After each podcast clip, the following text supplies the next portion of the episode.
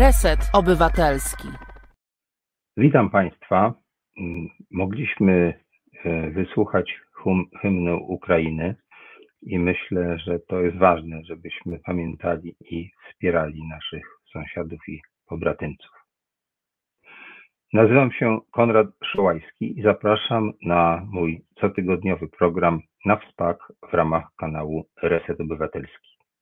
Ta rozmowa jest nagrywana, będzie miała premierę we wtorek o 17, a program e, realizuje Maciej i jego producentem jest taki nick Wspieram co dobre. Mam nadzieję, że e, zaufanie, które w nas Państwo pokładają, nie zostanie, nie będzie, e, nie zawiedziecie się. Przypominam, że Reset Obywatelski to miejsce dla wszystkich tych, którzy chcą czegoś nowego się dowiedzieć, chcą zadawać pytania, mają wątpliwości, im więcej, tym lepiej i e, pragną mieć kontakt z tymi, którzy mają własne zdanie, tak jak moi koledzy i ja. Jeśli Państwu się podoba to, co robimy, odsyłam na zrzutkę na naszą działalność. Mogą Państwo zostać producentami, sponsorami, mogą wpłacać e, nawet minimalne kwoty. Na dole pod e, obrazem jest link, a ja może odczytam zrzutka.pl ukośnik z ukośnik reset obywatelski. Można nas spotkać nie tylko tutaj na e, YouTubie, gdzie w tej chwili mm, to e, jest transmitowane, ale także na Twitterze, na Facebooku, na Spotify. Jest tego robiony podcast, także na różne sposoby mogą Państwo E, poznać e, i temat, i gości, i wybrać czy całość, czy fragment, czy odsłuchiwać i oglądać po kawałku. Dzisiejszy temat to Fundacja Herstory. I e, chciałbym, żeby e, realizator e, wyświetlił za chwilę link do strony e, Herstory. Właśnie tutaj wpisuję go i za chwilę macie go pokaże. E, I powiem może najpierw dwa słowa, co to właściwie jest. E, za chwilę zresztą dowiemy się więcej. A ja tak tytułem wstępu, bo sam do niedawna nie wiedziałem. Mianowicie jest to organizacja pozarządowa działająca w obszarze równości, różnorodności, antydyskryminacji, e, wiel, wielokulturowości i praw człowieka. Powstała w marcu 2014 roku, no, czyli nie tak dawno, 8 lat temu. E, I e, powodem było przekonanie, powodem powołania tej fundacji, że każda jednostka oraz zwierzę ma niezaprzeczalne i niekwestionowane prawo e, do równości, wolności, decydowania, manifestowania godności i godności.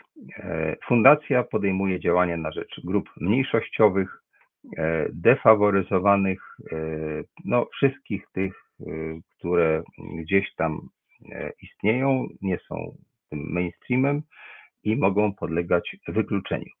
Przeciwdziała dyskryminacji ze względu na płeć, e, poglądy polityczne i inne, rasę, kolor skóry, pochodzenie narodowe i etniczne, religię, język, no pewnie też brak religii, wiek, orientację seksualną.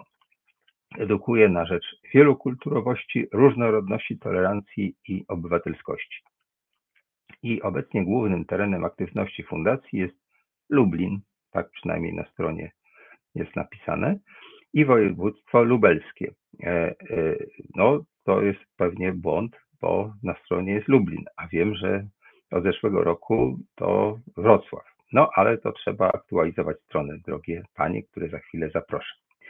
E, e, fundacja rozszerza swoje działania na cały kraj i to jest jeden z powodów, dla których e, dzisiaj tutaj się mm, mamy przyjemność spotkać. I chciałem teraz zaprosić dwie przedstawicielki. Najpierw przedstawię panią prezes zarządu Fundacji Hestory, Lena Bielska. Cześć, właściwie nawet prezeska. Prezeska, tak, przepraszam bardzo. E, certyfikowana trenerka e, WENDO, potem wytłumaczyć co to znaczy, trenerka antydyskryminacyjna i consent, trenerka dramy stosowanej pierwszego stopnia. Też bym chciał, żebyś potem nam trochę wyjaśniła, na czym polega drama stosowana pierwszego stopnia. Zajmujesz się historią i herstorią mówioną. Też może o tym coś się dowiemy więcej. Edukacją antydyskryminacyjną i antyprzemocową. Obecnie studiujesz e, mm, psychoterapię Gestalt i uzupełniasz e, kurs psychologii. Tak przynajmniej przeczytałem e, na Twój temat. Druga osoba, wiceprezeska zarządu Fundacji Herstory, Magda Szewciów. Zapraszamy. Witam. Witam. Cieszę Magda, się, że teraz jestem wiceprezeską, nie wiceprezesem. Przetarłam Ci szlaki, Magda. Dzięki. Certyfikowana trenerka samoobrony i asertywności dla kobiet i dziewcząt Wendo. Przypominam, że trzeba wyjaśnić, co to znaczy. No, trenerka antydyskryminacyjna, a także moderatorka procesów design thinking w obszarze, w obszarze przepraszam, innowacji społecznych. No dobrze, to ja się trochę pomęczyłem, żeby e, tak jakoś zacząć i żebyśmy wiedzieli o co chodzi. E, I teraz myślę, że e, po prostu oddam Panią głos. Może tak tytułem starsze, starszeństwa będzie pierwsza Pani prezes, żeby nie było bałaganu, a potem Pani, prezeska, przepraszam, Boże. Trudno się nauczyć a, a potem będziemy też prosili mm, panią wiceprezeskę, ale wtrącać się można, także w to, co ja mówię, więc tutaj nie ma jakichś takich reguł e, twardych, że tu nie wolno, przeciwnie właśnie zachęcam. No, no to y, czym zajmuje, zajmują się panie w Fundacji Herstory? Pani tak myślę, Magda, że może właśnie ja zacznę od historii, tak w kilku zdaniach, żeby wprowadzić, bo tu się akurat nałoży nam ten kontekst e, Lublina, bo fundacja została założona przeze mnie w 2014 roku właśnie w Lublinie. E, I od początku właściwie zajmowałyśmy się tematami związanymi z przeciwdziałaniem dyskryminacji i przemocy, ale w dużej mierze też poprzez E, herstorię, czyli właściwie poprzez włączanie kobiet do głównego no, nurtu e, historii, tworzenie różnych projektów kulturalnych i edukacyjnych związanych właśnie z tym elementem widoczności grup defaworyzowanych i też e, jakoś włączaniem nie tylko kobiet, ale innych grup, które w takiej standardowej, powiedzmy, szkolnej historii są najczęściej pomijane. I później zaczęłyśmy coraz więcej pracować edukacyjnie, warsztatowo, właśnie w obszarze przeciwdziałania przemocy i dyskryminacji i w tym momencie głównie się tym zajmujemy, a nawet powiedziałabym, że przede wszystkim zajmujemy się innowacjami, e, tworzeniem innowacji w zakresie przeciwdziałania przemocy i dyskryminacji. Mm, i warsztatowo-edukacyjnie wspieramy e, różne osoby, różne grupy, pracujemy z dorosłymi, z młodzieżą, e, i z chłopcami, z dziewczynami wspieramy osoby, które też wspierają innych. Pracujemy z kadrą pedagogiczną, z osobami pracującymi terapeutycznie, psychologicznie, e, pomocowo e, oraz wspieramy grupy aktywistyczne i osoby pracujące e, aktywistycznie. To tyle. I tutaj myślę, że Magda, ty z tego poziomu już pociągniesz dalej. Znaczy, no Magda jest tak... niżej tylko dlatego, że musiała się jakoś zmieścić i po prostu nie ma tyle miejsca na ekranie, bo ekran ma takie proporcje. Za co bardzo przepraszam. Nie, nie ma problemu. Cieszę się, że się zmieściłam, to jest najważniejsze. Ale y, jeśli chodzi o Fundację Hestory, to myślę, że to, co jest najbardziej istotne na, na tu i teraz, to to, że działamy we Wrocławiu y, i że mm, przede wszystkim ten, ten kontekst naszego działania na Dolnym Śląsku, we Wrocławiu i z organizacjami też działającymi w, na tym terenie najwięcej teraz robimy. E, I też e, to, to jest o tyle istotne, że, że faktycznie ostatni projekt w Lublinie to chyba miałyśmy ze dwa lata temu, jeszcze chyba nawet przed pandemią. Nawet. Mhm. Właśnie.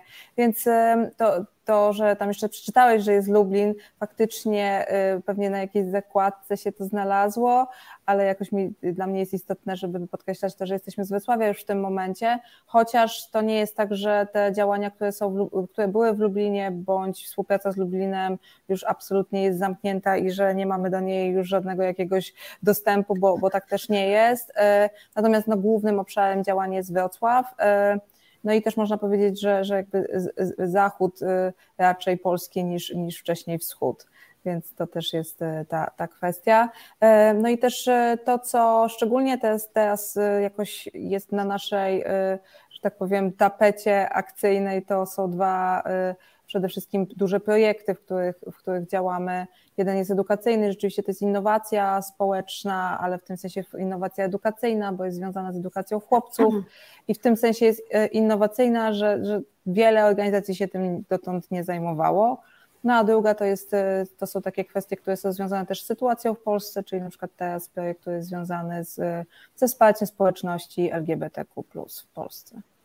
Też głównie też no w obszarze Wrocławia. Y, to brzmi tak oficjalnie, potem myślę, tak. że poproszę Was o takie bardziej konkretne mm, opisy tego, co tak robicie e, w rzeczywistości. O, mój telefon się odezwał, może nie jest wyciszony do końca. Oczywiście, że nie jest, bardzo przepraszam. Y, I teraz tak, jak próbowałem popisać się tym, że od y, no, szybko przeczytałem na waszej stronie pracę domową wykonałem, popełniając oczywiście błąd wynikający z nieaktualności tej strony. No wiadomo. Tak, bo strona jest w przebudowie teraz, tak, e, tak. więc to, A, jest, to, jest, to jest okej, okay, tak. Będziemy mieć za dwa miesiące nową stronę, w ogóle to dużo wtedy będzie. Rozumiem, że się przenosicie coraz bardziej na zachód, czyli być może wtedy już to będzie, nie wiem, Gorzów, a może jeszcze gdzieś dalej. Zobaczymy. No, albo, albo może będzie aktualna strona chociaż. E, i, e, i, I responsywna, i mobilna, i w ten sposób będzie Zachód, bardziej metaforycznie. Dobrze, to teraz z tych takich rzeczy, które w ramach pracy domowej, którą wykonałem, próbowałem mm, przedstawić. Co to znaczy trenerka Wendo, jeśli dobrze to wymawiam, szczególnie certyfikowana, bo to szczególnie jest fascynujące. Słucham. Zacznij. E, dobrze. E, Wendo to jest metoda samoobrony i asertywności dla kobiet i dziewcząt.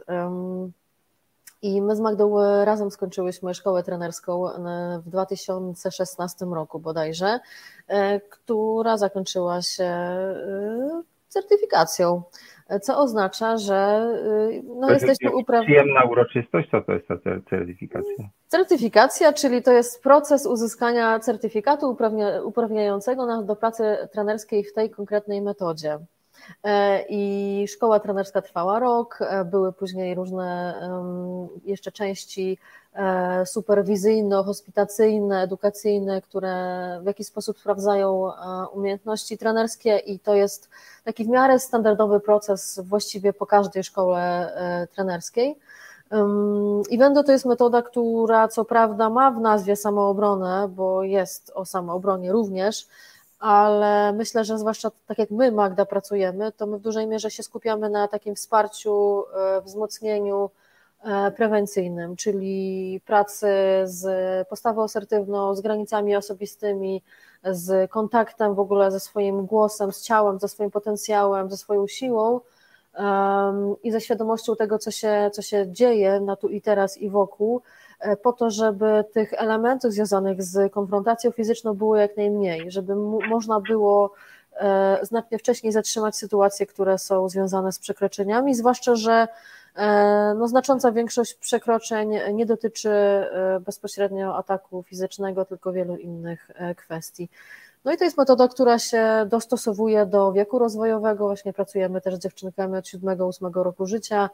E, z kobietami bez górnej granicy wieku, e, dostosowujemy metodę do e, kobiet z niepełnosprawnościami.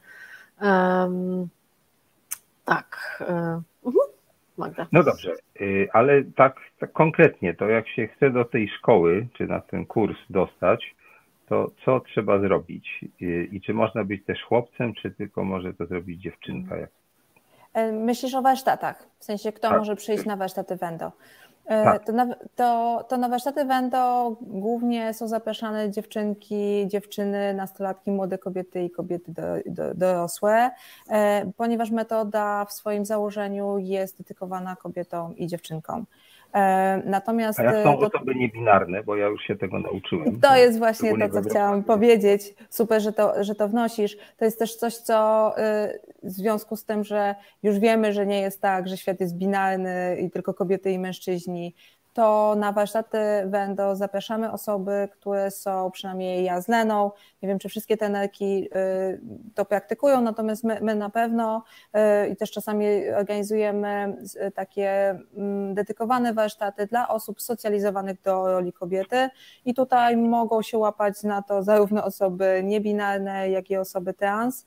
E, czyli osoby, które no, doświadczyły socjalizacji do roli kobiety, czyli to, co też doświadczają kobiety i dziewczyny, dlatego że ta metoda głównie opiera się na tym, jakie komunikaty dostajemy w wychowaniu, czyli tym, co w jakiś sposób wpływa na kształtowanie się czy naszej tożsamości, czy też myślenia o sobie, bądź przekonań na temat własnej sprawczości, możliwości dostępu do, do dóbr, do, y, do w jakiś sposób wszystkiego, co w świecie y, jest, czyli czy ja mam do tego prawo, czy nie. E, I to też często się y, opiera o przekonania, no a te przekonania gdzieś tam są nam wpajane w procesie wychowania, czyli socjalizacji. No dobrze, ale y, tak konkretnie, to jeśli ktoś chce, taka osoba, która albo właśnie w waszym ujęciu jest kobietą, albo osobą transpłciową, no to co może zrobić, żeby jest jakiś egzamin wstępny, płaci się za to, jak można się zapisać? Nie, na warsztaty się nie, nie, trzeba zdawać egzaminów, absolutnie nie. Warsztaty są y, wzmacniające i wspierające, więc y, myślę, że egzamin byłby przeciwskuteczny, nie byłoby to wzmacnianie. E, na warsztaty można się zapisać. Najczęściej warsztaty są też, przynajmniej my się staramy, żeby były bezpłatne, e, chyba, że są warsztatami, które są z takiego naboru, w którym osoby chcą na niego przyjść, e, a nie ma akurat warsztatów, które są finansowane z innych e, jakichś e, funduszy i nie można zrobić ich bezpłatnie. No ale też czasami te warsztaty są organizowane przez instytucje, jakieś organizacje, mm, bądź w ramach jakichś większych wydarzeń, czyli na przykład w ramach festiwali, bo też takie sytuacje miałyśmy, że byliśmy zapraszane na festiwale, gdzie realizowałyśmy warsztaty dla grupy osób, które chciały przyjść, głównie, głównie kobiet czy osób socjalizowanych do roli kobiety, które chciały zauczestniczyć w tych warsztatach, więc nie trzeba zdawać żadnych egzaminów, nie robimy testów, nie sprawdzamy żadnych legitymacji. Jedyne, co jest istotne, to sprawdzamy, czy jakoś się orientujemy, czy grupa, e, z którą będziemy pracować, nie jest czasem zbyt mocno zróżnicowana wiekowo. Czyli czy dwunastolatki nie są z 55-latkami, no bo wtedy myślę, że jednak to jest inne doświadczenie i inny poziom e, potrzeb e, i staramy się jednak, żeby grupy wiekowe w miarę były wspólne, to znaczy, że dwunastolatki dwunastolatkami, a dorosłe kobiety, czyli powyżej 18 roku życia, czy osoby e, były raczej z osobami dorosłymi, bo też inaczej wtedy prowadzimy warsztaty, bo to, to jest o tym, co przed chwilą Lena powiedziała, że metoda jest dla różnych grup i można ją dostosować, raczej narzędzia i w jakiś sposób objąć różne grupy ze względu na ich wiek, potrzeby, e, no ale te potrzeby związane z, z okresem rozwojowym czy, czy etapem w życiu e, trzeba uwzględniać, więc, e, więc dlatego te warsztaty muszą być dedykowane do konkretnej grupy wiekowej. No właśnie, ale padły y, dwie liczby, 12 i 55. Czy tak szerokie jest to spektrum y, potencjalnych, że tak powiem, uczestniczek e, szkolenia, tak? To, bo rozumiem, że osoba 50-paroletnia, no to może sama o sobie decydować. Natomiast taka dwunastolatka to pewnie musi mieć zgodę rodziców, tak? To jakoś, jak to się odbywa? Tak, jak najbardziej. Jak robimy warsztaty dla grup e, osób nieletnich, to zazwyczaj robimy to z wolnego naboru, gdzie rodzice sami zapisują swoje e, córki, też wyrażają zgodę na uczestnictwo w warsztatach lub też przez e, instytucje różne kultury, czy placówki oświatowo-opiekuńcze lub przez szkoły. No i wówczas e, robimy to we współpracy właśnie z tymi placówkami, w tych placówkach najczęściej oraz zawsze za zgodą rodziców. E, którzy wyrażają po prostu zgodę na uczestnictwo swojej córki w takich warsztatach. Jak duże są grupy i gdzie to się odbywa? Tak konkretnie, w jakich miejscach? Jak często? Oprócz, oprócz tych miejsc, które już powiedziałam, to w zależności oczywiście, jakie to są grupy i jaki to jest typ warsztatu. Czy to jest warsztat organizowany prze, przez właśnie daną y, instytucję, miejsce, do którego jedziemy i to są y, osoby, które są związane w jakiś sposób z tym miejscem, beneficjenci, beneficjentki lub też pracowniczki tej, tego miejsca, albo osoby rekrutowane w jakiś sposób przez to miejsce albo z wolnego naboru, które my często robimy też e, w, w fundacji i wtedy po prostu rekrutujemy, jest nabór otwarty i robimy to w jakiejś e, fajnej, zaprzyjaźnionej sali, a trochę takich miejsc we Wrocławiu już mamy lub też poza Wrocławiem, też w Poznaniu robimy w ten sposób, tam gdzie Magda e, mieszka, więc też w ten sposób współpracujemy z różnymi i organizacjami pozarządowymi, i instytucjami, które no, w jakiś sposób nas goszczą, a my gościmy e, inne osoby, które przychodzą na warsztaty. No i taki standardowy warsztat trwa dwa dni. E, po średnio 8 godzin warsztatowych. Myślę, że na młodszych e, dziewczynek zdaje się troszkę krócej. Czasami, jak są takie naprawdę już bardzo młode, w sensie na przykład ośmiolatki, dziewięciolatki, to wtedy staramy się rozkładać ten warsztat na trzy dni i każdego dnia pracować mniej godzin, bo też uważność jest zupełnie inna, zasoby energetyczne są inne, więc to, więc to rozkładamy. No i to jest w ciągu tych dwóch dni, powiedzmy standardowych, e, przekazujemy takie, taką pigułkę najważniejszych doświadczeń, wiedzy, coś, co już po tych dniach, dniach mocno wzmacnia zarówno na poziomie takim psychoemocjonalnym, jak też umiejętności samoobrony fizycznej i nie powtarzamy tego. W takim sensie można, oczywiście, ale no nie jest to sport, nie jest to sztuka walki, że trzeba chodzić ileś tam e, razy, zdobywać jakieś pasy, udowadniać swoje umiejętności i systematycznie je powtarzać, aczkolwiek często zdarza się, że e, nasze uczestniczki przychodzą więcej niż raz. Czasami robimy też takie warsztaty e, tak zaawansowane, jeśli można tak to powiedzieć. W sensie poszerzamy trochę proces o dodatkowe kwestie i, e, i wtedy można jeszcze raz przyjść, dowiedzieć się jeszcze więcej rzeczy, no bo zasób e, naszych umiejętności i wiedzy jest znacznie większy niż to, co możemy przekazać w ciągu tych dwóch dni. No tak, czyli weekend wystarcza, żeby tę porcję wiedzy, umiejętności zdobyć, tak? Że to jest coś, co e, no, można sprzedać w ciągu tych dwóch dni. E, ale teraz tak, e, pytając o miejsce, nie miałem na myśli takich adresu czy, czy instytucji, tylko chodziło mi o to, że e, chciałem, żebyśmy spróbowali przybliżyć to, co tam się dzieje. Jak mhm. duża jest grupa i na ile to jest, nie wiem, wykład, na ile to jest dialog, a na ile to są ćwiczenia fizyczne, jak, nie wiem, ćwiczenie jakichś sztuk walki. No co, co tam właściwie się robi? To to co, to, co robimy, to tak naprawdę jest cały czas zaangażowanie y, uczestniczek do, y, tak, do ruchu, do, do, y, do obserwowania też swojego kontaktu z ciałem, ale też przede wszystkim do dzielenia się swoimi doświadczeniami. I to najczęściej się zaczyna po prostu od integracji, jeżeli już mówimy tak po prostu, co, jakie, jakie moduły warsztatowe tam są. Więc e, zaczynamy od tego, żeby się poznać, bo jeżeli mamy spędzić ze sobą dwa dni, no to y, super poza tym, że sobie powiemy imiona, to żeby jeszcze coś o sobie opowiedzieć, ale też przede wszystkim, żeby uczestniczki sobie y, mogły poopowiadać jakieś historie swoje na temat tego, kim są, co robią, co, co lubią, czego nie lubią i już na takim wstępnej y, części podzielić się, być może y, też znaleźć coś wspólnego y, dla, dla wszystkich, albo przynajmniej z kilkoma osobami na sali, bo to jest bardzo istotna kwestia, żeby zbudować albo wesprzeć osoby uczestniczące w takim poczuciu większego bezpieczeństwa w tej grupie. Też dlatego, że zwłaszcza jak pracujemy z dorosłymi kobietami, to nie jest takie częste, że mają styczność albo możliwość tak długiego czasu przebywania w gronie kobiecym, dlatego że ze względu na to, że mnóstwo różnych mają obowiązków, praca, być może dzieci, wnuki albo różne inne e, aktywności, które wykonują na co dzień, sprawiają, że nie przebywają w grupach e, w ogóle specjalnie e, tak po prostu, żeby być z ludźmi i też jeszcze aktywnie w trakcie warsztatów, a dodatkowo jeszcze w gronie kobiecym, co jest dość częste i dla mnie, dla mnie na początku było dość dużym zaskoczeniem, że y, słyszę na koniec warsztatów, że y, pierwszy raz y, tak, tak długo byłam z kobietami i że to było super i że, że było mi potrzebne i nie wiedziałam, że to może być takie przyjemne i że będę sobie dawać więcej takich doświadczeń przebywania z kobietami. Więc to jest też taki moment, w którym na początku, żeby zbudować jakieś y, poczucie zaufania, ale też y, zacząć budować bezpieczniejszą atmosferę do dalszych etapów warsztatu. Więc y, ja tyle na początek, może tyle na chcesz powiedzieć o kolejnych etapach. Ja będę dokładać jeszcze.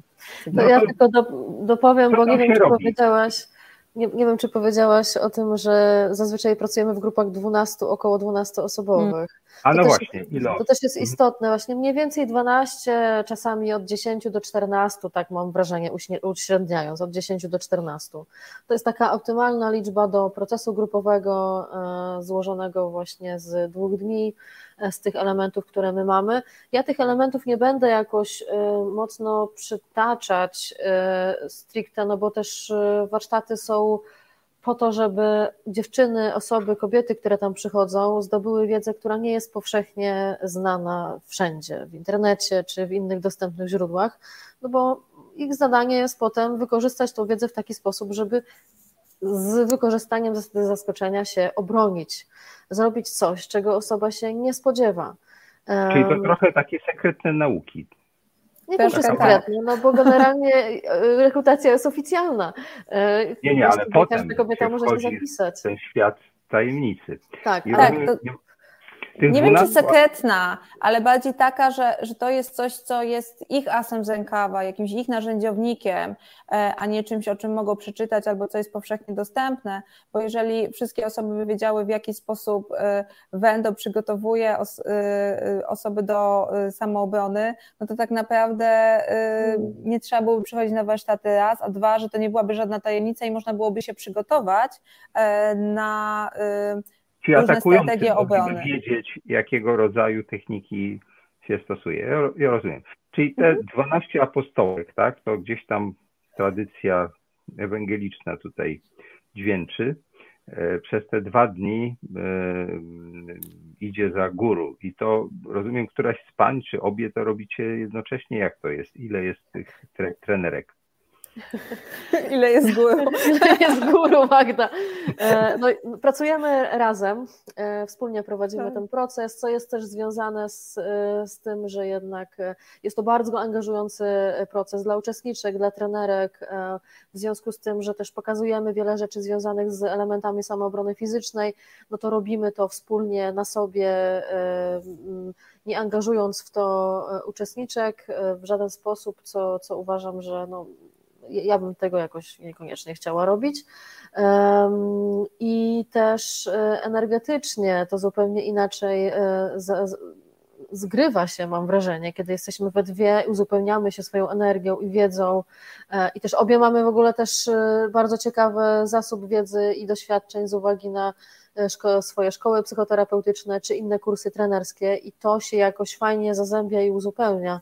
Natomiast ja jeszcze bym chciała tylko dopowiedzieć lub też podkreślić, że Wendo nie jest jedynie warsztatem skupionym na samoobronie fizycznej. Tak naprawdę mam wrażenie, że my około 70% całego warsztatu to pracujemy z elementami wzmocnienia na poziomie takim właśnie psychoemocjonalnym, komunikacji, pracy z głosem, z ciałem, z rozpoznaniem napięcia, stresu w ciele, reagowaniem w takich sytuacjach napięciowych, więc gdzieś tam ten obszar jest najważniejszy po to, żeby móc e, właśnie tak jak powiedziałam na początku, świadomie e, jak najszybciej zorientować się, że jest sytuacja, która może eskalować w niebezpieczny sposób, po to, żeby właśnie uniknąć jak najbardziej tych konfrontacji e, fizycznych.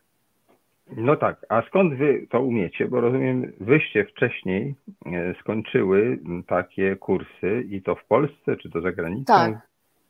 Gdzie? Tak. To, to y, metoda Vento wywodzi się z, z Kanady i już ma, y, ostatnio to liczyłyśmy, ponad 50 lat, y, bo tak naprawdę powstała na przełomie lat 60. i 70. ubiegłego wieku. E, I to, że my mamy tą możliwość pracy w tej metodzie, jest wynikiem starań Agaty Tojcz z Fundacji Autonomia. Myślę, że warto to powiedzieć bo czyli osoby, która, która jest też ten ekowendo i jest z pierwszego kursu, który się odbył na początku lat 2000, dlatego że jak dotąd odbyły się dwa kursy w Polsce tej metody dla tenerek, teraz odbywa się trzeci. E, więc będzie więcej osób pracujących tą metodą. Natomiast nadal jest nas dość mało. E, I też stosunkowo, biorąc pod uwagę to, ile osób zostało przeszkolonych, aż tak dużo z nas nie pracuje aktywnie albo, albo często. E, więc to, to jest też dla nas jakoś istotne, żeby jak najwięcej osób usłyszało o Wendo, bo wtedy być może będzie zapraszało więcej trenerek do pracy i też więcej osób w ogóle usłyszy o, y, o tej metodzie i o, o jej skuteczności de facto, bo o, tym, o to też chodzi, że wiele y, osób uczestniczących w warsztatach przedtem, zanim usłyszy o warsztatach, to tak nie bardzo chętnie chce iść, a potem po warsztatach to chciałaby, y, żeby każda dziewczynka, każda kobieta, nawet że nie dość, żeby chciały, to one uważają, że powinny wszystkie pójść na warsztaty Wendo.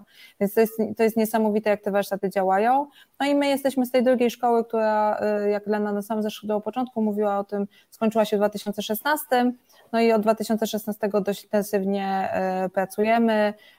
W każdym roku mamy kilkadziesiąt warsztatów, e, czasami kilkanaście, to zależy od roku, bo pandemiczne e, lata były dość e, powiem bardziej chude w, warsztaty, natomiast nad, nadal szkolimy i przeprowadzamy te procesy dla wielu grup kobiet i dziewcząt. Więc nie ma nas dużo, były trzy, są trzy szkoły, trzecia trwa, my jesteśmy z drugiego kursu.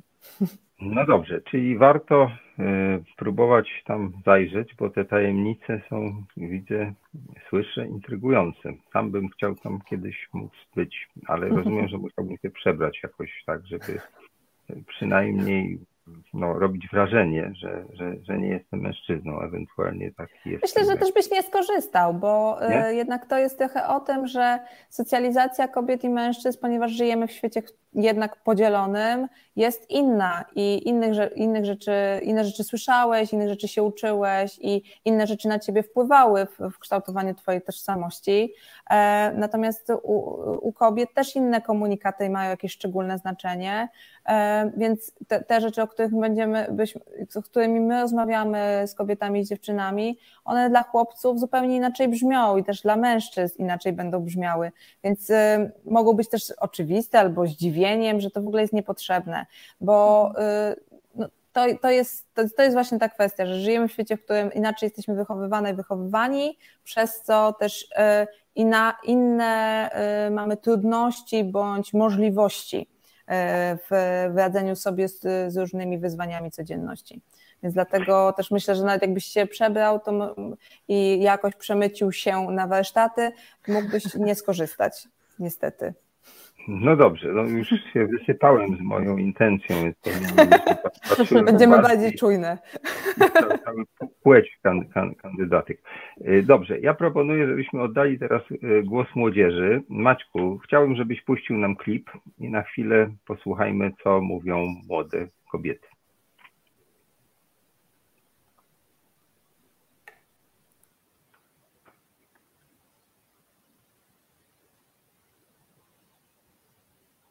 Co mówią młode osoby o Mogą zrobić tego, dziewczynki nie mogą zrobić tamtego. Tak, bo w szkole zaraz jest takie coś, że niby dziewczyny prowokują chłopaków. Nawet zabraniają nosić krótkich spodenek przez dziewczyny, nawet jak jest 30 stopni na dworze, a chłopcy mogą na luzie nosić krótkie spodenki.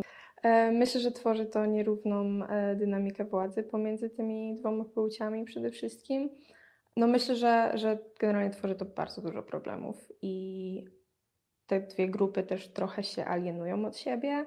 Zdarzają się również e, takie rzeczy jak e, seksistowskie teksty e, ze strony innych uczniów, czy nawet no, nauczycieli w stronę do uczennic. E, teraz myślę, że w mojej obecnej szkole jest to mniej zauważalne. Jedna szkoła mm, może być otwarta na takie rzeczy, otwarta na tą odmienność, a druga może wręcz ją zgniatać i dyskryminować te osoby. mojej szkole e, jest, wydaje mi się, stosunkowo mało tej dyskryminacji, jak patrzę porównując e, z innymi szkołami moich rówieśniczek, ale, ale wciąż no, chociażby spotykam się z dyskryminacją osób transpłciowych czy niebinarnych. Tam ja jestem takim dzieckiem, które jednakże ma własne zdanie. Ja też nie wierzę w Boga, przez to to był w ogóle taki maksimum poziom dyskryminacji bo jestem szatanem, jak mogę, jak mogę w ogóle nie wierzyć. Yy, przez takie różne wyzwiska można mieć problem do samego siebie. Idę jako kobieta ulicą ciemną, czy inaczej ubrana, idę na imprezę na przykład i myślę, że jak każda z nas obracam się dwa razy przez ramię, żeby sprawdzić, czy ktoś mnie nie śledzi, patrzę na cienie i mam tak naprawdę zaciśnięte w tym momencie pięści w kieszeniach, mi jest osobiście ogromnie przykro, że jakąkolwiek kobietę to kiedykolwiek spotka, spotkało. W ogóle ja nie rozumiem, e, nie rozumiem, dlaczego musi tak być. To nadal są to rzeczy, które się dzieją, takie e, na przykład molestowanie, zaczepki typowe, takie no po prostu umniejszanie też dziewczynom i niechciany dotyk i tak dalej ale kiedy już jest taka sytuacja, po prostu od razu się zniechęcamy i zrażamy się. I myślę, że mamy też wielki problem z zaufaniem potem. Niestety no, wiele osób ma, ma, ma zdolności przekraczania czy tendencje przekraczania granic innych osób i no, myślę, że jest to niesamowicie ważną e, rzeczą, żeby potrafić e, wyznaczyć te granice, bo mimo, że bardzo zwracam uwagę na to, jak ludzie się do siebie nawzajem e, odnoszą, to czasem po prostu no, brakuje odwagi, żeby, żeby powiedzieć, że tutaj zostały przekroczone granice, czy jeżeli ktoś mówi coś do mnie, czy jeżeli ktoś mówi do innej osoby. Znam osoby, które doświadczyły przemocy.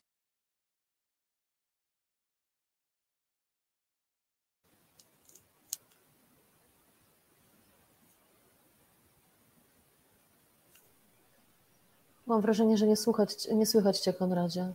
Właśnie, to ja popełniłem błąd, który, przed którym Was przestrzegałem. Mianowicie się, się Tak się dzieje.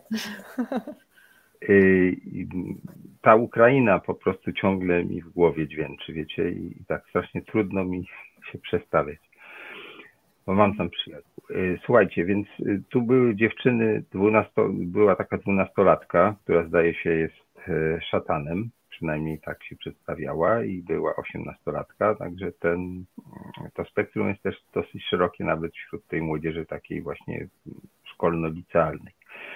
I teraz tak, rozumiem, że to jest ta grupa, która ma szczególne problemy, prawda? Bo, znaczy ja nie, powiem, nie chcę powiedzieć, że te kobiety bardziej dojrzałe nie mają kłopotów, bo przecież wiemy, że, że, że to też jest, ale to jest ten okres takiej największej wrażliwości, czy naj, naj, największego takiego jakiegoś, mm, jakby to powiedzieć, no, możliwości zranienia, prawda? Jak coś się stanie, no, zresztą patrzymy na, na efekty różnych takich nieprzyjemnych sytuacji, no to nastolatki naj, chyba naj, najbardziej cierpią i teraz z młodzieżą jest problem. Znaczy nie z młodzieżą jest problem, tylko problem z pomaganiem młodzieżą.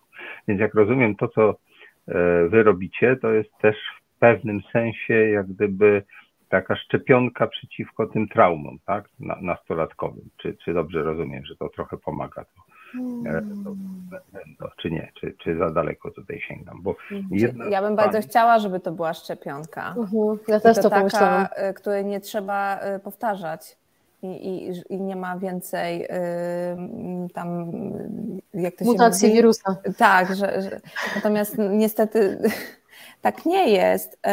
To co, to, co my robimy, to tak naprawdę jest wsparcie młodych osób w poczuciu, że nie są bezsilne.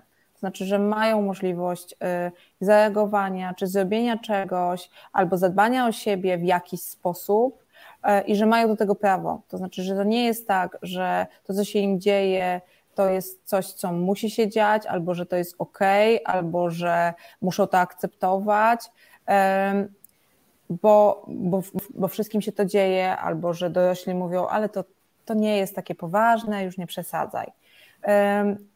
Dzieci czy, czy młodzi ludzie doskonale wiedzą po prostu, że coś jest nie tak i to czują. Natomiast y, ta racjonalizacja często y, czy społeczna, czy kulturowa, czy, czy dorosłych sprawia, że zaczynają się czuć zagubione i nie wiedzą, czy to, co czują, powinny za tym podążać, czy raczej podążać za tym, jakie dostają wskazówki od dorosłych.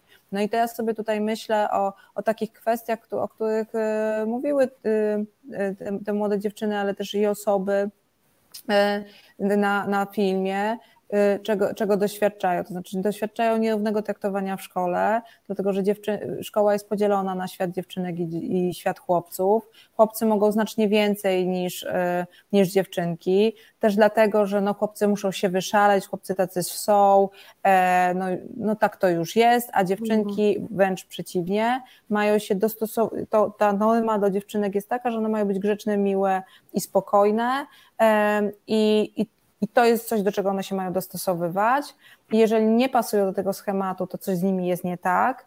Co więcej, w tym schemacie jest bardzo dużo obostrzeń, to jest chyba dobre słowo, e, które weszło wraz z pandemią, e, obostrzeń, które są związane z, z, z tym, w jaki sposób e, się ubierają, czy, czy w jaki sposób wygląda ich ekspresja, zarówno dotycząca ich płci, jak ich i po prostu własnego myślenia o sobie czy ekspresji samej, samej siebie. No i tutaj jest ten, ten przykład z tymi spodenkami, który jest dość e, znaczący, to znaczy, że mamy XXI wiek, właściwie lata 20 XXI wieku i nadal młode dziewczyny słyszą, e, że nie mogą nosić koszulek na, e, na ramionczkach, crop topów, czyli takich bluzek, które odsłaniają pępek, nie powinny nosić krótkich spodenek, albo te spodenki albo spódniczki powinny mieć jakąś konkretną długość, ta długość jest nadal im mierzona albo w jakiś sposób wypominana.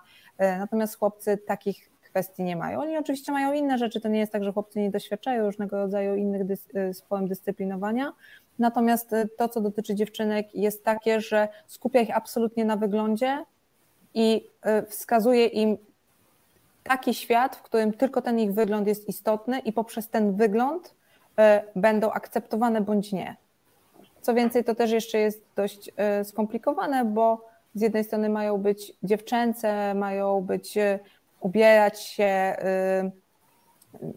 chciałyby się ubierać ładnie na przykład. W momencie, kiedy się ubiorą według nich ładnie, atrakcyjnie w sukienkę, to doświadczają różnego rodzaju naruszeń czy zaczepek na ulicy, na przystankach czy w szkole. E, czasami oczywiście jeszcze dodatkowo dostają dyscyplinarne różne uwagi związane z tym, że spódniczka jest za krótka, albo za długa, albo za krótki dekolt, albo za krzykliwy kolor. E, I to, to co słyszymy na warsztatach, to najczęściej to, że one już właściwie nie wiedzą, co one mają zrobić że z jednej strony e, jak ubiorą bluzę i mają szerokie spodnie albo się ubierają na czarno, to znowu też niedobrze, bo to nie kobiece, i że generalnie co to za worki one zakładają? I to słyszą od rodziców, od nauczycieli, nauczycielek, od rówieśniczek też, bo to nie jest tak, że, że się nie dyscyplinują dziewczyny nawzajem, a jednocześnie e, jak się ubiorą atrakcyjnie, to znowu narażają się na e, różnego rodzaju też zaczepki, że znowu przesadziły, albo co gorsza doświadczają molestowania czy w przestrzeni publicznej, czy, czy molestowania seksualnego w ogóle nawet czasami w szkole. Więc e, to, to, jest, to jest taka sytuacja, z którą młode osoby się mierzą i my je słuchamy, mówimy, że to, co przeżywają, nie jest e, jak, jakoś bzdurą, e, tylko jest właśnie tym, co czują, jak czują i jak to widzą, bo młode dziewczyny są bardzo mądre i doskonale wiedzą, co to znaczy mhm. niechciany dotyk, doskonale wiedzą, co to znaczy przekroczenie, bo to czują tylko te komunikaty z zewnątrz trochę mieszają im w, w nazwaniu tego, no bo jeżeli one mówią, to było nie okej, okay, a słyszą, o już nie histeryzuj, on tylko tak żartował, a nie przesadzaj, a to nie musisz już z tym, z tym nic zrobić, to to znaczy, że, że one nie wiedzą do końca, czy one mają prawo, czy nie mają prawa y, stawiać granice i mówić o tym więc często w ogóle o tym już nie mówią, zwłaszcza nastolatki już takie mające 16-17 lat, mówią czasami to w gronie swoich jakichś bliskich koleżanek, ale już często nie, nie podnoszą tego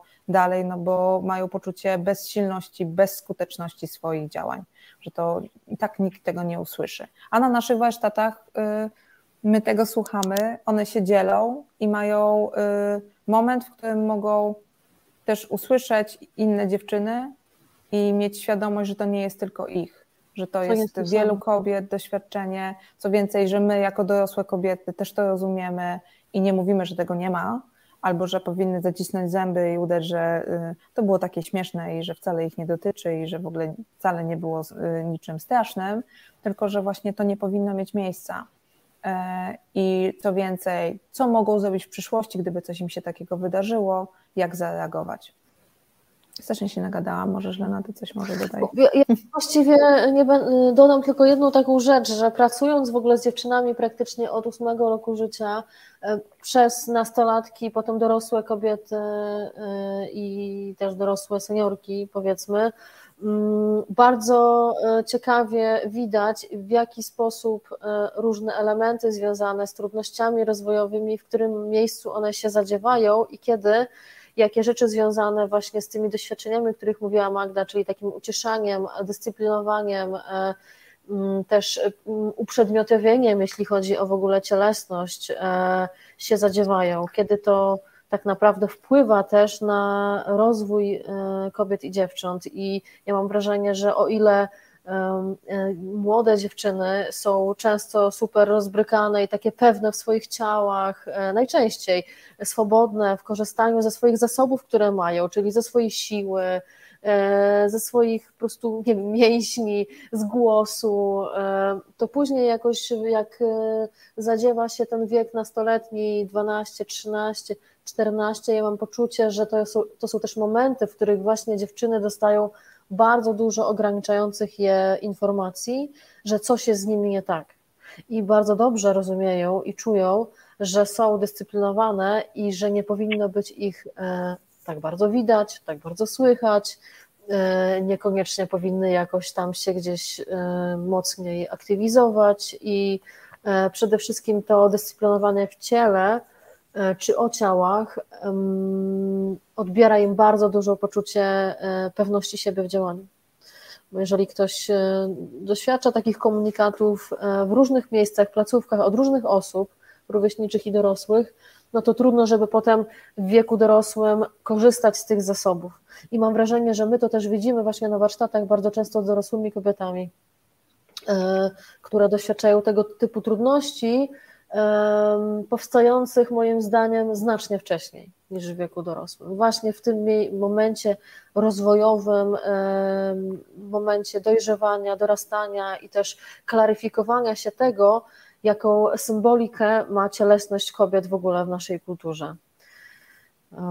Tak, to tyle. No tak, to jeszcze o tym porozmawiamy, a teraz proponuję, żebyśmy zobaczyli kolejny klip, e, który no, trochę nas tutaj E, pomoże, jeśli chodzi o obserwację właśnie tych osób, które korzystają z Waszego e, szkolenia.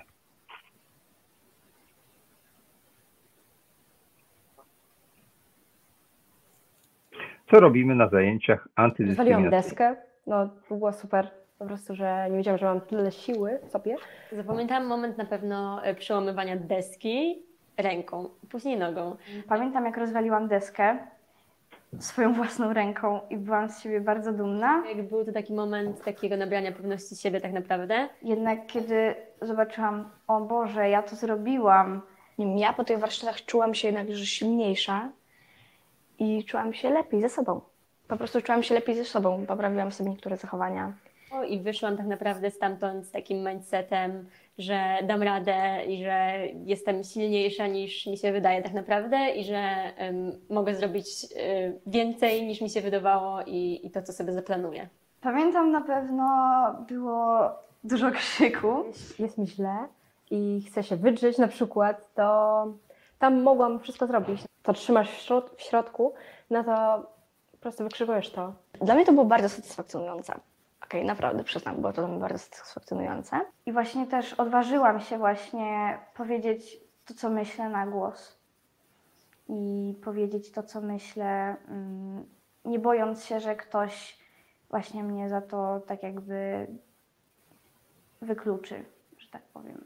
Oczywiście według mnie też samoobrona też była bardzo ważna, bo sama miałam kilka nieprzyjemnych sytuacji, w której ona jest, jest potrzebna. Mm, I uważam po tamtych zajęciach, że jednak trochę jednak mam mm, nie więcej siły w rękach czy w nogach, chociaż też.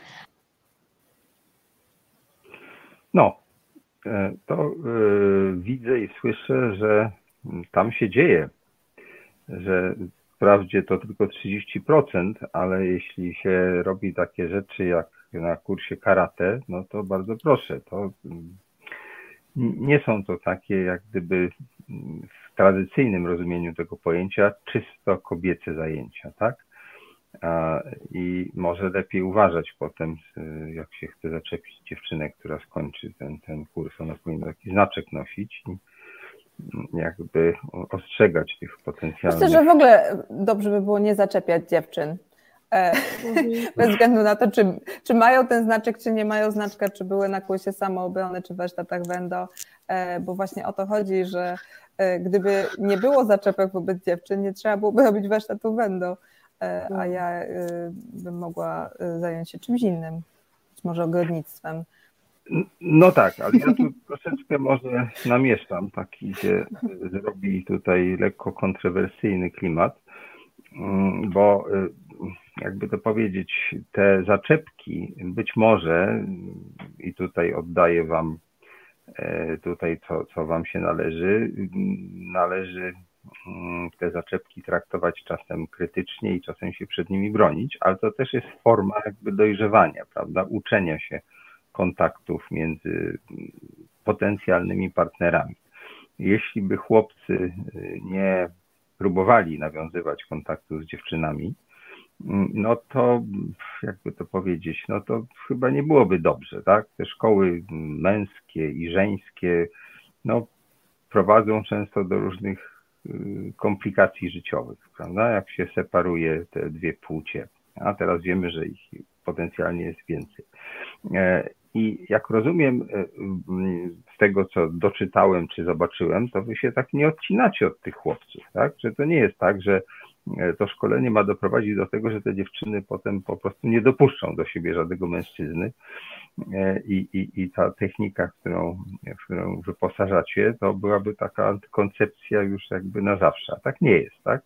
No to powiedzcie trochę o tym, no, e, że ci chłopcy też są do czegoś potrzebni i właściwie nie tylko powinni być tolerowani, ale w jakiś sposób może wciągani w to, tak? Tak zrozumiałem z tego, co przeczytałem na, na, w tych materiałach od Was. E, czy ty chcesz, Lena? Ja, ja nie, trochę nie wiem, co powiedzieć, bo ja mam poczucie, że ja nie, ja nie do końca rozumiem e, tego, co mówisz. Bo... No próbuję bronić tej męskiej takiej ja, ja, ja, ja, To ja myślę, że, że, że, rozumiem. To znaczy ja sobie Aha. wezmę to, to, co ja zrozumiałam, może tak. Okay. E, dla mnie w świecie są różne osoby. Są kobiety, są mężczyźni, są osoby, które się nie identyfikują jako kobiety i mężczyźni, które mają różne tożsamości płciowe. E, I dla mnie bardzo ważne by było, żeby zarówno y, osoby identyfikujące się jako kobiety, mężczyźni, czy osoby niebinarne, osoby trans, miały możliwość y, tworzenia dobrych relacji, bez względu czy romantycznych, czy przyjacielskich. I teraz z tego, jak sobie pomyślę o warsztatach Wendo, które rzeczywiście są odpowiedzią na przemoc ze względu na płeć, której doświadczają kobiety i dziewczęta, e, to jeżeli będziemy pracować tylko i wyłącznie z dziewczynkami i, kobietami, to w świecie będziemy mieć kobiety, które okej, okay, bronią się, być może mają strategię do obronienia swoich granic albo wyznaczenia ich, ale rzeczywiście nadal y, doświadczają bardzo dużo y, naruszeń czy przemocy. e, i jedyne to, co się zmienia, to to, że być może wiedzą, jak się bronić.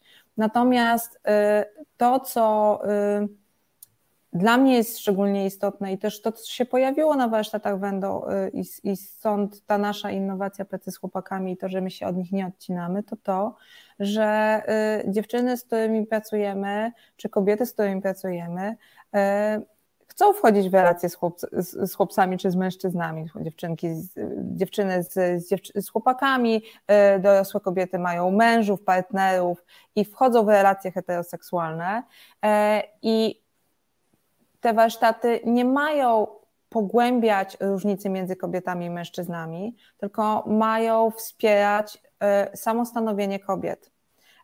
Natomiast bardzo dużo jest, przynajmniej ja mam takie doświadczenie, że jest dużo wzmocnienia dla kobiet do tego, żeby one decydowały za siebie, znały swoje prawa, rozwijały się i i rzeczywiście miały większy kontakt ze sobą samą, natomiast znacznie mniej takiego wsparcia i takiego wzmocnienia jest dla mężczyzn, którzy dalej są w takim poczuciu, e, że e, i to jest raczej to powiem z takiego podwórka szkolnego, że strzelenie ze stanika bądź klepnięcie po, e, pośladek dziewczyny to jest okazywanie zainteresowania i edukacja do kontaktu.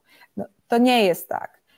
I też trudno, żeby dorośli mężczyźni mieli poczucie e, albo wiedzę na temat dobrych relacji, e, jeśli jako dzieci e, dokonując różnego rodzaju, czy robiąc jakieś zachowania, które są przekraczające, naruszające i często są przemocą, nie dostają informacji zwrotnej od dorosłych na temat tego, że to, co robią, jest nie. Okay. Czyli, że się nie uczą tego, że to, co robią, raczej przynosi, prze, y, mm, jest przeciwskuteczne wobec tego, co by ch chcieli. Bo jeżeli y, szturchnięcie, popchnięcie, wyzwanie kogoś jest y, akceptowane jako forma tworzenia kontaktu, no to trudno, żeby nie, nie, młoda osoba nie zapamiętała tego jako coś właściwego. E, I to jest to, o czym my przede wszystkim chcemy rozmawiać z chłopakami i też co jest y, dla nas szczególnie istotne, to znaczy, żeby nie pracować tylko z dziewczynami i przygotowywać je do tego, co zrobić w momencie, kiedy ktoś y, właśnie strzeli cię ze, y, ze, z ramionczka albo, albo dotknie cię w sposób, który nie chcesz i bez twojej zgody. Natomiast chodzi o to, żeby co zrobić, żeby ci chłopcy, ich rówieśnicy tego nie robili. I też przede wszystkim też to nie o to chodzi, żeby nie stosowali przemocy czy na, przekraczali granice dziewczyn, ale też żeby nie przekraczali i nie stosowali y, granic, ani nie, nie stosowali przemocy wobec swoich rówieśników, też chłopców. Bo y, to, o, czy, y, o czym rozmawiamy w kontekście przemocy rówieśniczej i o o przemocy ze strony chłopaków, no to to nie jest przemoc tylko i wyłącznie wobec dziewczyn, tylko to też jest przemoc wobec rówieśników, którzy na przykład nie pasują do standardu męskości. E, więc my tak naprawdę myśląc o y, kobietach, mężczyznach, o tym binarnym, ale też niebinarnym świecie, czyli o różnych tożsamościach płciowych, raczej myślimy o porozumieniu i tworzeniu świata, który, w którym osoby mają szansę do tworzenia dobrych relacji, czyli pełnych zaufania, y, szczerości, otwartości i przede wszystkim jak najmniej przemocowych, przemocowych zachowań i czy przekraczania czyich granic, czyli to, co jest na wendo, to też chcemy, żeby chłopcy usłyszeli, że, że inni mają granice i że te granice należy szanować oraz, że ja też mam granice i jako osoba mogę je wyznaczać i, i, i o nich mówić. Więc, że, że to, że porozumienie czy kontakt jest raczej o szanowaniu swoich granic, bądź y, o, że ten kontakt też nie jest, y, nie powinien być w taki sposób y, nawiązywany, jak to jest czasami nie tyle promowane, co w jakiś sposób Mm, nie, nie kwestionowane zupełnie w przypadku chłopców. Tak sobie o tym myślę. No dobrze, to zanim sobie więcej powiemy o czymś, co wy nazywacie sztama, bo mhm. to jest właśnie to, do czego powoli próbuję zmierzać, co wydaje mi się ciekawe i, i sensowne. Ja tutaj może niezgrabnie usiłowałem bronić chłopców czy mężczyzn, ale chodziło mi po prostu o to, że przecież to nie tylko chodzi o zakazy, ale też pewnego rodzaju współpracę, tak? No bo inaczej to w ogóle byśmy wyginęli. Ale najpierw zobaczmy.